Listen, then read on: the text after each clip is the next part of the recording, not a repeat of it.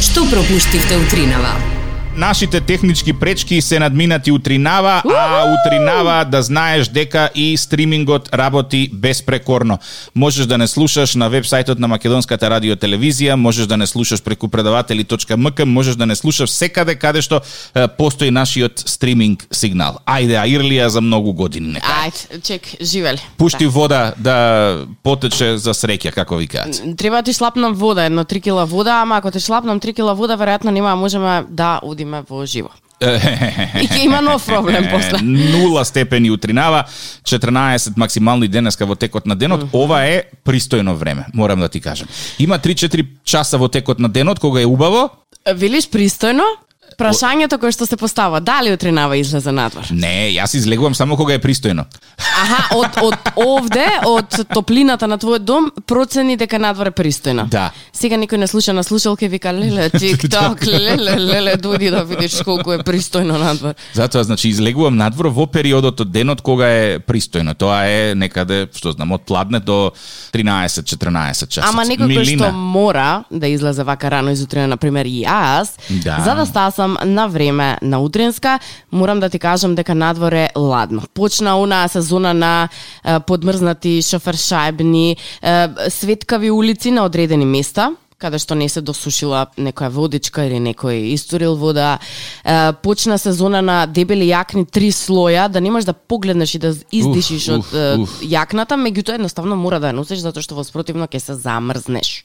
Страшно е. Страшно. Убаво е да си од сабајле рано наутро дома. Е, што е некоја онака хайлайт на денот денеска, освен тоа што кај нас стримот функционира? Хайлайт на денот. Да, нешто интересно се случи изминативе 24 часа? Ништо, младите се радуваат дека е, ноќните клубови кон- конечно ќе почнат со работа, е, расте бројот на активни случаи, собраќајот со одвоена причина под претежно суви коловози.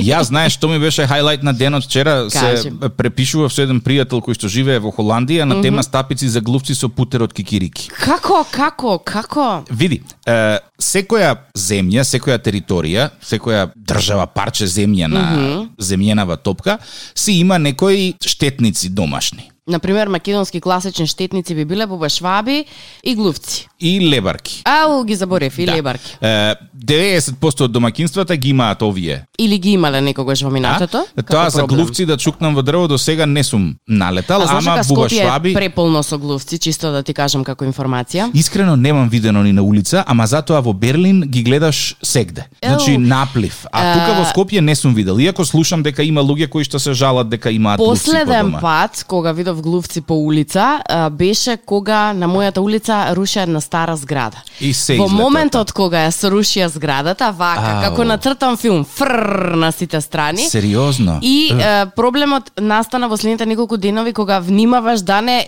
тој избеганиот завршил кај тебе во куќа. Да, Ми тоа е се лошо. случило во двор да видам, меѓутоа за среќа во подрум и е, на спратовите глушец немало, а бувашвава лани имаше некоја наезда годинава како да подзаспа, да чукнам во дрво и да не се вратат никогаш. Нема ништо по, мислам, она не е страшна, нема да те гризне, нема да те, не знам, да те повреди, меѓутоа се многу гнасни како како гледка и како појава и лебарките исто така.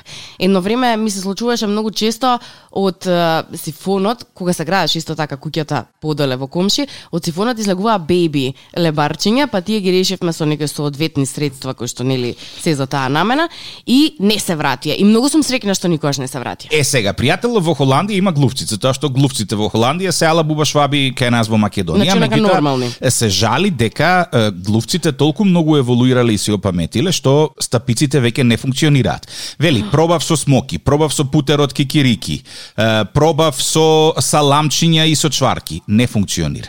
Данес го случајно- јаде, го јаде вели е, храничето што е ставено на стапицата, Ама не се фаќа на стапицата. ама не се фаќа. Види ти холандски глушец човече. Ја мислев да не е на диета нешто да не преферира здрава исхрана, па не ќе путерат кикирики нешто едно. Не. Не, а? И е, а вели забрането е да се продава лепак за глувци затоа што е нехумано. Знаеш што е лепакот за глувци? Да, знам што е лепак. Тоа од кај глувци. нас сите глувци со лепак. Па, подма ги па. Баба ми решаваат. Да. се сеќа месото лепак на глувци, на картонче, ставаше внатре сиренце од она најсмрдливото за да мириса. Да, Викам, да. бабо, вакво ние не јадеме, за глушецот купуваме. Ама, по... Добра си, Сарке, вака. Ама стварно, тоа било посмрдливо и глушецот многу побрзо го детектирал, не знам, баја ги пари фрлаше и од страната вака како крукче, онака крукче на пеколот, налепено тоа, тоа е, Сиренцето, лепакот. лепакот, да. Право да ти кажам, јас до тој дел додека се фаќа глушецот имам присуство, на натака веќе не сакам да знам што му се случи, ама предпоставувам. Ја, не, па. Така Последно јело, Е, е, смрдливо сега, сирење. е, Комарците еволуираа да касаат од колена надоле, веќе ретко гравитираат кон главата, дури и Знаеш дека навечер да? кога лежиш, да. Имаш приметено? Да, Порано нисам ако те, слушнала те, одамна. те, те грицкаа горе на раце, сега исклучиво од, Од колена надоле. колена надоле, каде што не можеш да ги чуеш како зујат. Низок удар, добра? Е, глувци веве се научија како да јадат, очекувам да видам како буба швабите ќе го возвратат ударот искрено. Знаеш Ова дека бубаш животинска шваба еволуција. може да живее без глава цела недела. Знам. И исто така Одвратно. научно е докажано дека бубашвавите може да пр- преживеат е, нуклеарна катаклизма. Значи бија преживеале радиацијата која што би го убила човекот. Можам да замислам Буба Шваба претучена во некој стих. О, ти, силен херој, Буба Швабо една. Све преживеа, ќе преживееш и ова. Не, јас имав една друга сликичка у глава, замисли една да живееме во некое пост е, апокалиптичко општество каде што бубашвабите еволуирале на ниво на луѓето и така на е, секои 4 години си организираат избори бубашвабски, мислам за бубашвабско собрание. Буденье сон, тик-так и зорка. Ой, радио два. Добро утро. Е, ме замисли сега Зорка со ова бубашвабиве кога би имале избори. Па м- како би се разликувале, пошто сите ми се исти, например, вака гледаме Данела, Петре, Метре, ги разликуваш на билборди. А вие? Види, веруј ми дека кошто ние си се разликуваме сами меѓу себе и бубашвабите си се разликуваат сами меѓу себе. Па А некој друг од страна вика, сите се исти. Нека е така. така е, друже. Нема трета варијанта. Мора Е, така. у- Уште една шала која што ми изнасме и нисум размислила, века комши да немаш лепак за глувци, другиот го праша шубе, комши да не ти се дупна глучетот. Ја.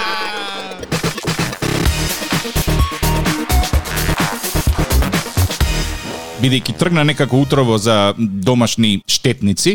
Миленичиња. е, Да, имам е, да споделам со тебе една многу интересна приказна поврзана со истите. Ајде. Е, На светот постоела една бубашваба Зорке која што преживеала баш се. Аха. Е, Граѓански војни, светски војни, атомска апокалипса, хемиска војна, биолошка војна, толку напреднала во својот живот, што станала председател на Сдружение на бубашвабите во Добро. својот тогашен свет и си живеела во голем луксузен стан. Се до моментот додека еден ден не се вратил газдата дома, На станот. да, малку пред време, пуштил светло, Збирштина. што ќе види буба швабат? Аха. Чена на, на фотелја си гледа вести. Зел вестник, пам, ја звекнал и ја залепил. Што е нравоучение на оваа приказ, не знаеш? Не гледај вести. Кој што медиумите може да те убијат, ништо не може. да слушала радио ова немало да ја се деси. Апсолутно се се согласувам со тебе. Што мислиш од кај ми е додено името? Буба Шваба. Е, шваба е сленг термин за германец. Е, бе, тоа ме, ме интересира. е, буба е Автомобилот Буба. Да, е сега ако ја загледаш буба швабата, има така малку Малце облик. германски изгледа. Не, па, изгледа германски и го има тој облик на на Оклоп? заобленост, да, што изгледа како како буба. Мислиш дека тоа има врска? Да. Хм, се размислувам еве, ама не не доаѓам до рационално и логично решение. Затоа што англиската верзија е cockroach, што roach е било каква Бубачка. бубачка, немало и кака е нас, буба шваба. Баш онака заоблена, убава, да, види, или, Па, сјајна. или може би, да, оклопот, знаеш како и сја, или може би, бидејќи дошле од Германија, па буба шваба од Германија увезена, шваби германци и опцук. Мислиш дека некој германец ја има донесено во Македонија, па во Не. таа чест Буба Швабата го добила нивното име? Види, не знам, Ај, навистина не замисли, знам од каде како потекнува ние, името како- буба шваба. Како ние како народ би се чувствувале ако некоја бубачка по нас е крстена? Буба Македонија, Буба Македонче. Поиме не? Имаш ли одговор за буба швабата? И имам некои работи што треба да ви ги кажам, да споделам, ама Овака сега, не сте знаеле дека бубашвабата знае да лета, односно лебарката. Чекај сега, бубашваба и лебарка се е, Различни. физиолошки И- сосема различни. И исто му доваѓа, или бртучеди, или први бртучеди. Да, ама не се исти, бубашвабата е темна црна, лебарката е кафеава со антени. Па и исти са. Добро, ајде исти да са, кажеме ама не. дека се исти, ама не И сум со знаел гнасни дека се. летаат. А овака сега, не, а Зорка да ја прашам. Ајде. Дали знае, дали знае кармините од што се прават? Они што стават на уст Не. жените. Е па баш од лебарките од бубашвабите. Сериозно? Најсериозно. Ау, Трајдите во податок, овој ќе ви момент... кажат. во Зорка овој отвора момент да гугла во гуглам. моментов. Па зашо кога не е некој пат жена или девојка која а, која, која се бакнуваме, разбираш, и после ние мажите бришиме ги устите. По тие причини. Кој знае, кој не знае, ќе се излиже едно убаво и кој ќе му кажат. Не, Зорка, Зорка е в чудо невидена, ти треба да, да го видиш тој поглед и, и таа фаца што ја има во Ќе ви- моментов. Ќе видам на Инстаграм там, ќе видам на како реагира. Еве сега баш Бана. ќе проверам. Восокот пчели вика. Не знам за тоа, за тоа не знам. На карнауба Не, некој во- состав и Абе може стават е Канделила. по уе- е по уедењето нели се става зачини, мора да зачинат со нешто. Што нешто. Ќе ја Ау! пишме, ќе ја пишме ни Зорка да не се да не се шминка. Така, сладко Никогаш нека, повеќе. Не, нека и е на жените што што се шминкат со крви. Ајде, убав Фала ден, ти нека многу. се чуе. Чао, чао. Ајде, чао. Е, Маријан вели ако бубашвабата е дојдена од Германија, тогаш бубамарата од каде е до- дојдена? гледаш.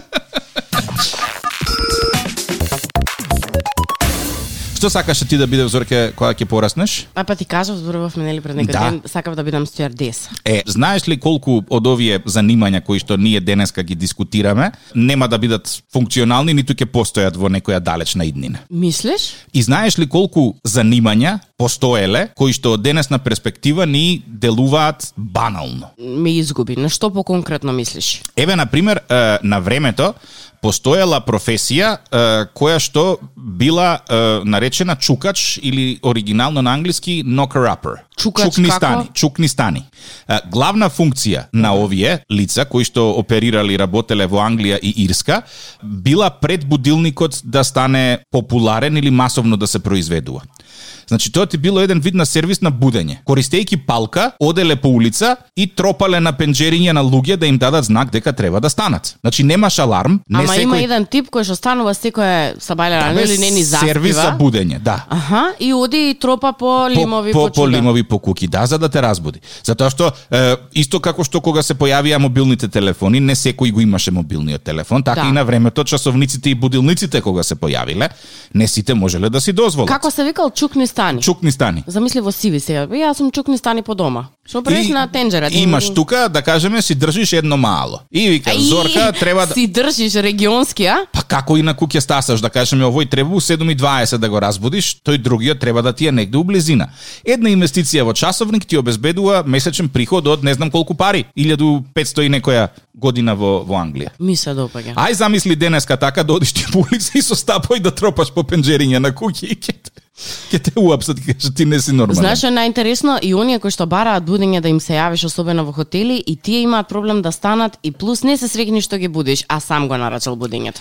Во античка Грција имало човек кој што работел професија и бил нарекуван гимназијарх. Знаеш што му била главна задача? Ме изгуби. Да ги загрева и да ги масира спортистите и да ја чисти салата откако ќе завршат со борење. Аха, види интересна работа, добро? А, во антички Рим имало погребен кловен. Ај сега, што е тоа? Римјаните имале некои нели многу бошци Добро? И е, едно од верувањата биле дека кога ќе умреш не треба да се тажи и да се плаче, туку треба да се весели. И улогата на овој погребниот кловен била да се преправа дека е мртовецот всушност. Да носи маска, да танцува, да игра, Човече, анекдоти тоа- да кажува. Тоа звучи многу лудо. Е, Антички Рим. Одденешен. Што сакаш? Кловен. Да. Леле, умира тасета, умира, ај викни два кловни. Не разбирам. Не разбирам. Види, пред 600 години се случувало, така да не е ни за очекување да да разбереш. Друго време, други обичаи. Е ова следново, кое што било популарно во Англија во е, 15 и 16 век, во Македонија е уште применливо, ама не до таа мера. Е, што? Е, децата на идниот крал. Добро? не смееле да бидат дисциплинирани на училиште. Значи нема ќотек, ти си кралска лоза, не Аха, смееш да го аха, удриш детето. добро. И затоа секогаш кога идниот крал нешто ќе направил белја, имало заменско момче, кое што го јадало ќотекот. Сакаш да ме... А, и овој ќе изеде кјутек зашто... Зашто кралот не смее да го удриш кралот, како тоа кралот ќе го Идниот тепаш. крал, мислиш? Идниот крал, да. Потомокот на кралот. Е, ова кај нас е, исто така се уште функционира, кај нас се вика синот на директорот, синот на празна и, линија. и таму некој друг кој што Па, го јаде во за него. принцип, да, е, сега не е дека е нас физичка казна, ама има нели. Ама да, и- секогаш е тој кривиот. Дежурен виновник се вика тој. Да. Така би му дошла титулата. А, тошери. Знаеш ли што биле тошери? Исто така во Англија. Тошери? Не. Не, е, Луѓе кои што ваделе корисни работи од канализацијата под Лондон во викторијанска ера. Прекрасна е, оваква. Ги има и кај нас, оние кои што ги е, еволу, е, евалуираат контейнерите, може да ги наречеме тошери, да кажеме, само Тошери. што над земја Кај си бе го, тошер? го, да. Ама ова над земја, што што може да биде? Не знам, добро, ама како Чекај, сакаш да ми кажеш дека ова е како професија било се? Кога ќе пораснам сакам да бидам тошер на пример. Да, види, ќе вадиш Без пари, секс ќе сум. ќе заработуваш. Без текст сум искрено да ти кажам. А, барач на починати. Ова се случувало за време на големата чума во Англија. Значи одиш од врата до, до врата, од куќа до куќа, гледаш дали има жртви и ги ставаш луѓето у карантин. Може сега во време на корона да се да се стави. Имплементира, Да, не им дај ќе се Боже. зголеми вработеност во државава, им сите ќе имаат работа. Ем пази, она н- што го имаме сите кај нас у шршта да видиме кај комшијата што се случува. Уу, по сите куќи да влезеш. Чи ги гратис ќе го работат. Некои само да видат кај комшиите. Да шушнат. комши ке- а, немате корона. Сакате да Нема имате? И е, последната професија која што веќе не постои, барем во светот, а кај нас е малку во видоизменета. Застапено. Да, во малку видоизменета форма. Е, Горе доле поентата е иста, само м, начинот на кој што се изведува е, е троа поинаков. Е, Официјалното име било Groom of the Stool. Превод. Е, превод, Мислам, превод- буквален би бил Не, не буквален, превод. младоженец на, на, на, на, на престолот, а е, функционалноста на оваа професија Тоа, да. се состоела во тоа што е, главна задача на лицето кое што ја држи таа титула е да го брише задникот на кралот. Да, кај нас има. Многу кралеви и многу бришачи.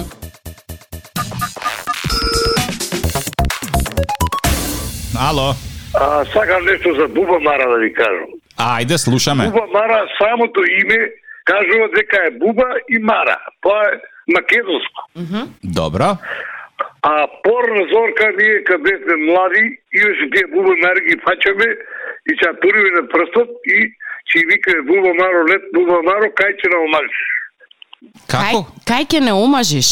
Да, Да, и Сакаш ова да ми ми е кажеш некој дека недостојнато. во која насока ќе летне во Амарата, таму ќе ти дојде да речеме либето? да, да, да, да, да. А, а шо бедна со летни летни бува Мара донесе ми гости. Тоа Не, некоја не, не, нова не, не. видоизмената. Нема таква игра, али тоа ние од порно го знаеме дека со Буба Мара на прстот и летни Буба Маро, кај ќе се омажи тие работи. А, видиш интересно, не сум знаела за ова. Е, Тоа беше порла. И многу ве следам, јас сум од Кавадарци, од Кавадарци, не можам без вас да станам. Многу ми е драго. У 6 саат оставаме, двај чекам да дојдеш и да ви посадат да те слушнам. У, у, па ти пред нас стануваш. Ама не, јас сум а, инвалиден пензионер и затоа морам да станам у 6. А, добро, добро. И знаеш какви се тие други работи. Ако. Многу ми е драго што се дружиме секоја сабали, многу ми е кеф. Мара, на секој кажам нека си тури на прстот, кај ќе го летне там да го омаже и ќе го омаже. Тик-так и зорка Радио 2 Ладоженец во фотелја? А, е, За тоа, чим Грубо. таму.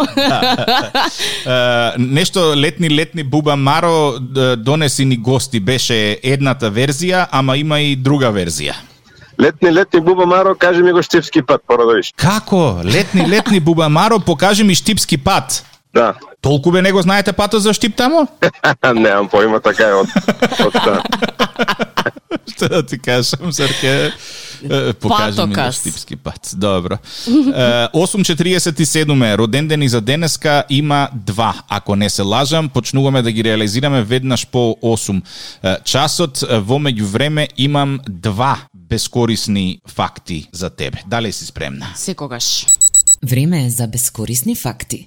А, Едниот бескорисен факт вели дека 46% од испитаниците кои што користат банкомати му зборуваат на банкоматот. Како му зборат? Добар ден. Ајде побрзо, ајде вади пари, вади, вади, вади. Ти Не си зборуваш со банкоматот? Е, сега кога го прочитав ова и кога тргнав да се само евалуирам, да. Зборуваш со Да, банкомат. посебно има некои банкомати што се ужасно спори, Мисли, има случајно да речам ајде де или евентуално да речам ајде да да искоментирам на некоја тетка пред мене што три пати си го проверува пинот, па проверува колку пари има, па чекај вади 500к, па чекај па 500к вади. Значи извади ги сите Да, ти е- одеднаш. Ама не знае колку има. Тоа е проблемот. Ти вади по 500 по 500 додека банкоматот не каже дека нема повеќе пари. Има опција, проверија сметката на секој банкомат. Ја Да, проверуваш и ти сметката чини 10 и после... денари. Да, ма го споѓава ако е, провери сметка, па извади 500, па па провери сметка, па па извади 500, значи она од старт го части банкоматот 20 денари. Зошто? Е па тоа ти кажувам, значи 10 пати вади по 500, по 200, по 128, по Ама за вадење пари банкоматот не ни да плаке провизија? Ма ти е, наплаќа ако после одредени е, обиди, нели, е, проверуваш колку пари имаш на сметка. Сакам да ти кажам кога ужасно споро оди редот пред мене, тогаш зборувам, а си зборувам сама со себе во мозокот. треба да- на да се- банкоматот реално да. не сум му се обратила, ама ете можеби следниот пат ќе му се обра... може поише Знаеш пари ќе како? даде. Ајде, дај 2000 дарки, дај 2000 дарки, дај 2000 дарки, дај 2000 дарки, не ми давај 4500-ки, не ми давај 4500-ки, ај дај 2000 дарки. О, така ќе си мантраш, ќе си мантраш и евентуално таа Што мантра најмногу те, те е, возбудува на банкомат, освен е, состојбата на твојата сметка? Ау, има Што? звукот на на Н- Не. Ау, немаш Не. поима, звукот на броењето пари. Не, нови пари. Онака уште не изгужвани, уште не искршени. Како се бројат? Не како се бројат, како излегуваат тик-так. Како излегуваат, ти што ми ја гајле како се бројат. Битно е да излезат и да ги земеш. Ке си ја ставам секвенцата на вртење пари од банкоматот на Како звук на Рингтон. мобилен телефон. Да. Секој пат кога некој ќе ми звони, ќе си како да, да Па вртам ја да пари ти од кажам на банкомат. одредени личности би го ставила тој тон вака да ти кажам најсрано, на пример на тебе, на шефот, на сопругот. Не е лошо. Фрррр. Тоа ти е добра идеја да ти кажам прав. Замисли на колку деца од средна школа вака им звонат мобилните кога родителите звонат.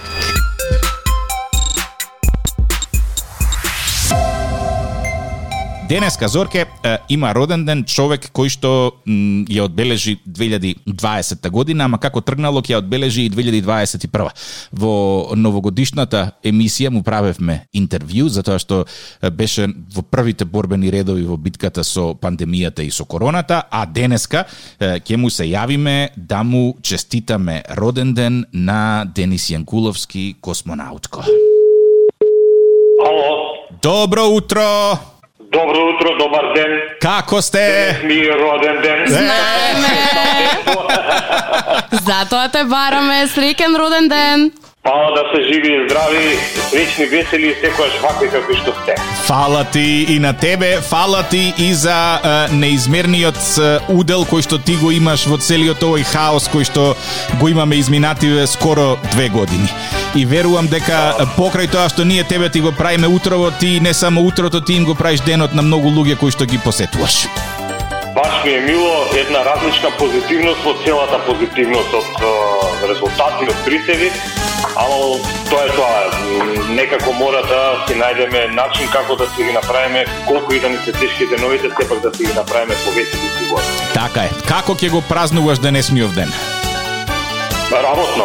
Работно, значи од сабајле секако мора малку да се да се изработи, мора оваа вештеркава или вештерот Да не се знам, избрка. веќе ни Полни што не бе да се избрка, пошто некако многу се заседна и корени пушти очигледно. Да, да, да, а Ама, гости што многу да. седат не се наарно, знам како е.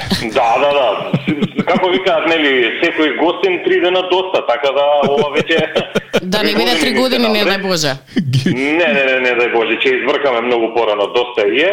Така да од а, предподневна смена работно и весело како и секојаш со песна, попладневна смена домашно со најблиските, со песна, со љубов, со преградки. Така. Космонаутко Денис Јанкуловски, среќен роден ден да си дочекаш уште многу години и се слушаме до година. Се слушаме, чувајте ми се, живи и здрави и да се видиме што побрзо. Буши бар.